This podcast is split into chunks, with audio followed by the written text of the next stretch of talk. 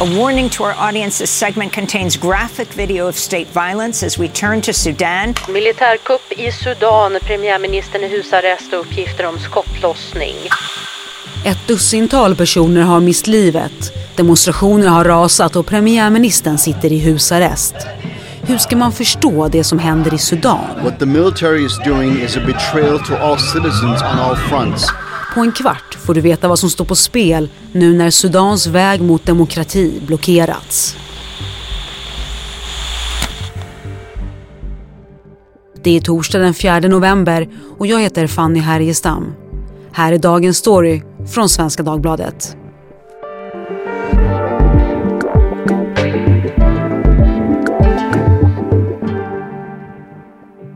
Jesper Sundén, du bevakar arabvärlden för Svenska Dagbladet och du följer nu utvecklingen i Sudan. En militärkupp har alltså ägt rum, eh, internettillgången har varit dålig, flygplatsen stängd. Eh, du är ju här i Sverige och följer det här på avstånd. Hur gör du för att få fram information? Ja, man får söka information från alla möjliga sociala medier och traditionella medier. Och det finns ju många exilsudaneser som, som lyckas få fram information om vad som händer. Även när eh, internet och mobiltelefoninätet är nedstängt. Sen ska man veta det också att eh, Sudan är ett av de länder som fram till att diktatorn Bashir störtades för två år sedan var ett av de länder som hade sämst internetuppkoppling överhuvudtaget. Ja, det låter knepigt. Ja, fast å andra sidan så är de vana då vid att kommunicera utan internet. Det är fördelen. Om vi backar bandet då till början av förra veckan. Det var på måndagen den 25 oktober som militären genomförde en kupp. Mm. Hur gick den till? Det var tidigt på morgonen eh, vid fyra, halv fem tiden så kom det rapporter om att eh, premiärministern hade gripits. Och eh, snart eh, så spreds ryktena om vad som hade hänt, att han hade pressats av militären att eh, upplösa regeringen och, och mer eller mindre acceptera en militärkupp och han hade vägrat och då greps han och fördes bort. Och ganska snart så tog militären kontrollen över landets tv och radiostationer, över informationsministeriet. Man satte upp vägspärrar, man blockerade broarna. Khartoum består av, av, tre olika delar kan man säga som förbinds med, med broar eftersom Nilen eh, flyter genom staden. Men väldigt tidigt också så strömmade människor ut på gatorna. Satte upp barrikader och protesterade och eh, krävde eh, att regeringen skulle återinsättas och, och frihet och demokrati. Tens of thousands of men and women are converging once again to show their anger against a sudden military takeover that's threatening the nation's fragile democratic transition.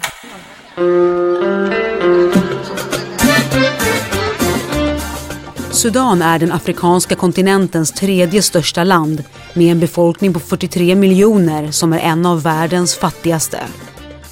Efter upprepade inbördeskrig har miljontals människor drivits på flykt inom landet men också utomlands. Både torka och konflikter har periodvis orsakat svår svält och hungersnöd i landet som har ett bristfälligt välfärdssystem och sociala trygghetsnät som nästan enbart bygger på den egna familjen. Samtidigt har viktiga framsteg gjorts de senaste åren på flera områden. Och det finns en längtan efter att skapa ett demokratiskt samhälle, särskilt hos den unga generationen. Och det var just med de unga som protesterna började 2018. Efter månader av protester som hade lamslagit hela landet så störtades eh, diktatorn Omar al-Bashir som har styrt landet i nästan 30 år. Och eh, det som hände därefter var att militären tog makten. Och då blev det nya protester mot militären och det skedde dödsskjutningar och olika turer och Afrikanska unionen var inne och medlade och till sist så kom man överens om ett maktdelningsavtal mellan militären och de civila. Och de civila det är alltså det, det, det, är företrädare för, från civilsamhället, det är kvinnoorganisationer, det är fackföreningar, det är politiker, det är diplomater och så vidare. Sudan så ökar trycket på militären att lämna över till ett civilt styre efter att man avsatte president Omar al-Bashir i en kupp. Och det här har gått, eh, det har gått förhållandevis bra sedan dess. Men det som nu skulle ske inom kort här före årsskiftet det är att den militära makten skulle överlämnas till den civila delen. Det har, det har, varit ett lite komplicerat system. Man har en civil regering och så har det funnits suveränitetsrådet som har bestått av civila och militära representanter och det har letts då av en militärernas ledare, Al-Burhan. Och det som skulle ske nu var att han skulle lämna över ordförandeposten i det här rådet till en civil representant. Och det var han inte intresserad av att göra. Men just apropå då militären och militärens makt, hur stark är den? Militären är ju oerhört stark. Man kan säga att sen Sudan blev självständigt 1956 så är det militären som har styrt ända sedan dess i olika konstellationer. Sen har det varit försök, det har faktiskt varit två revolutioner tidigare. 1964 och eh, 1985. Men de har krossats av militären. Och det som har hänt sen Bashir, Bashir satt ju, han, han regerade ju eh, kan man säga med militärens makt i ryggen. Och det som har hänt sen Bashir störtades det är att militären har tagit över Bashirs alla tillgångar och Bashirs familjs tillgångar och alla pengar som tidigare hamnade i, i Bashirs fickor, de hamnar nu i militärens fickor. Så att de har det bättre, de har fått det ännu bättre, de har blivit starkare än någonsin därför att de har fått mycket mer pengar, ja, de har ännu fler skäl att vilja stoppa den här demokratiseringen som ju inte bara handlar om att demokratisera att människor ska få inflytande utan det handlar ju också om kontrollen över naturtillgångar och landets tillgångar.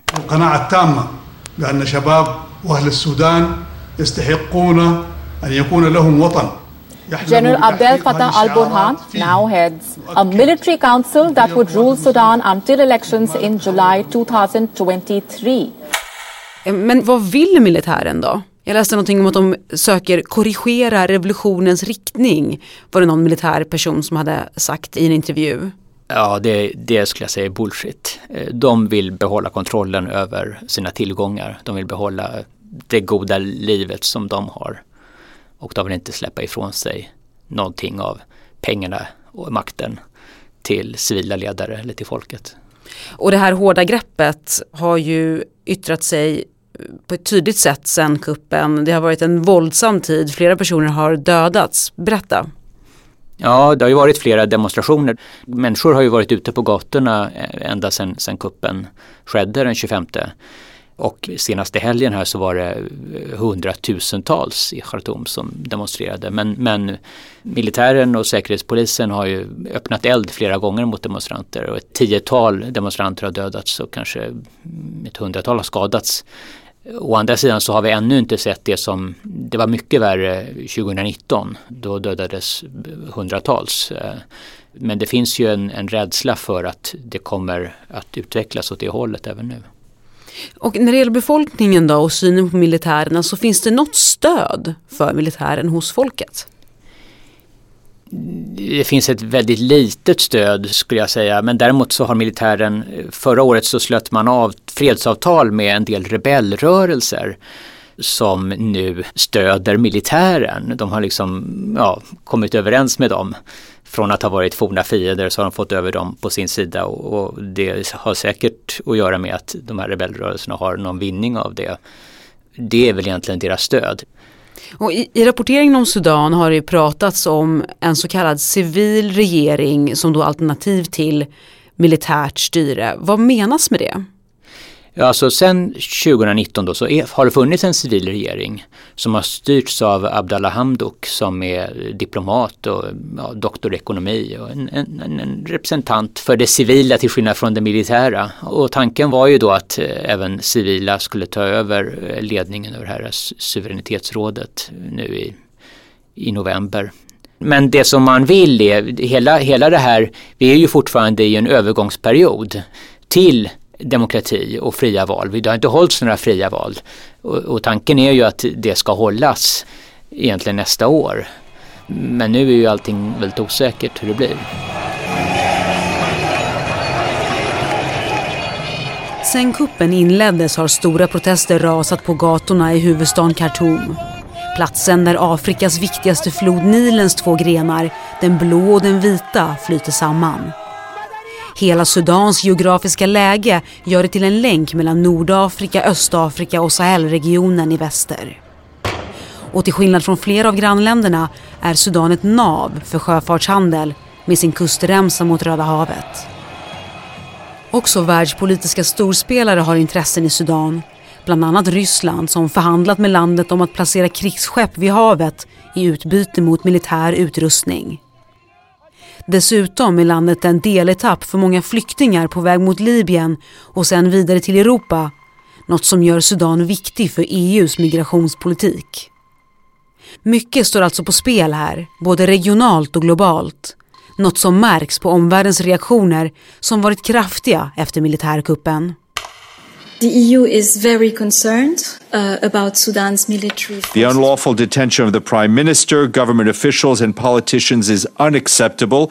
In light of these developments, the United States is pausing assistance det har ju varit eh, hårda fördömanden, framförallt från USAs sida. Det var ju väldigt märkligt det hela att faktum är att USAs eh, särskilda sändebud för Sudan var alldeles innan kuppen, i helgen före kuppen så var han i Khartoum, träffade den här eh, militära ledaren Burhan och eh, premiärministern Hamdok och förde samtal med dem för att eh, försöka medla och försöka förhindra att det skedde en kupp. Och han verkade tro att han hade fått med sig båda två på det och lämnade Sudan glad i hågen. Men innan han ens hunnit komma fram till USA så fick han rapporter då om att det var en kupp som hade genomförts. Andra reaktioner då, EU har ju, har ju tagit avstånd och, och, även Afrikanska unionen och Arabförbundet och man kräver att den här övergångsregeringen måste komma tillbaka och att, att övergångsprocessen måste fortsätta. Och när det gäller kvinnors rättigheter så var Sudan länge ett eh, skräckexempel, ett av de svåraste länderna att leva i som kvinna. Men de senaste åren, sen det här som hände 2019 som du har varit inne på Jesper, har flera förbättringar gjorts. Vilka förbättringar då och på vilket sätt hotas de nu? Ja, när Bashir tog makten en gång i tiden eh, och, och, så var det med hjälp av islamister och de har varit eh, också ett starkt stöd för honom. Men när eh, den civila regeringen tillträdde så avskaffade man Bashir-erans lagar mot hädelse och olika dekret om allmän ordning som reglerade hur kvinnor klär sig, täcker sitt hår och reser offentligt. Militären, de har precis som Bashir varit allierade med islamisterna och, och kämpade till exempel 2019 för att behålla landets sharia-lagar till exempel. De har även stöd nu av islamisterna och, och kretsen kring Bashir förstås. De, de är emot de här, den här demokratiseringen. Så att risken finns att eh, militären återinför de här begränsningarna för kvinnor.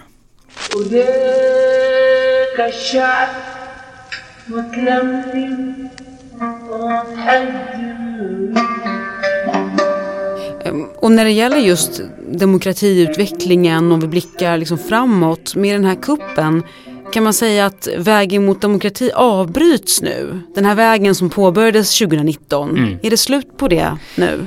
Nej, det tror jag är för tidigt att säga. Det här är absolut ett avbräck men eh, samtidigt så det är hundratusentals människor som är ute och demonstrerar. Det är de här protesterna som var omöjliga att stoppa för Bashir som ändå hade styrt landet i nästan 30 år. De kommer vara väldigt svåra att stoppa även för militären idag. Och eh, USA som är den största bidragsgivaren till Sudan, de har sagt att de håller inne sitt stöd till landet så länge militärerna inte återgår till den här övergångsprocessen och även eh, Världsbanken och IMF de har också haft eh, stöd i form av att de ska garantera stödlån och så vidare och det, det, det sätter de på paus. Och det blir väldigt svårt för Sudan som är ett fattigt land att eh, klara det här utan omvärldens hjälp. Sen finns det ju de som tror att de kan få stöd från annat håll men det har inte synts ännu. Tack Jesper Sundén för att du var med i Dagens Story. Tack. Vi som gjorde programmet idag är producent Daniel Persson Mora, redaktör Teresa Stenlen von Matern och jag heter Fanny Härgestam. Vill du kontakta oss så mejla till dagensstory.svd.se.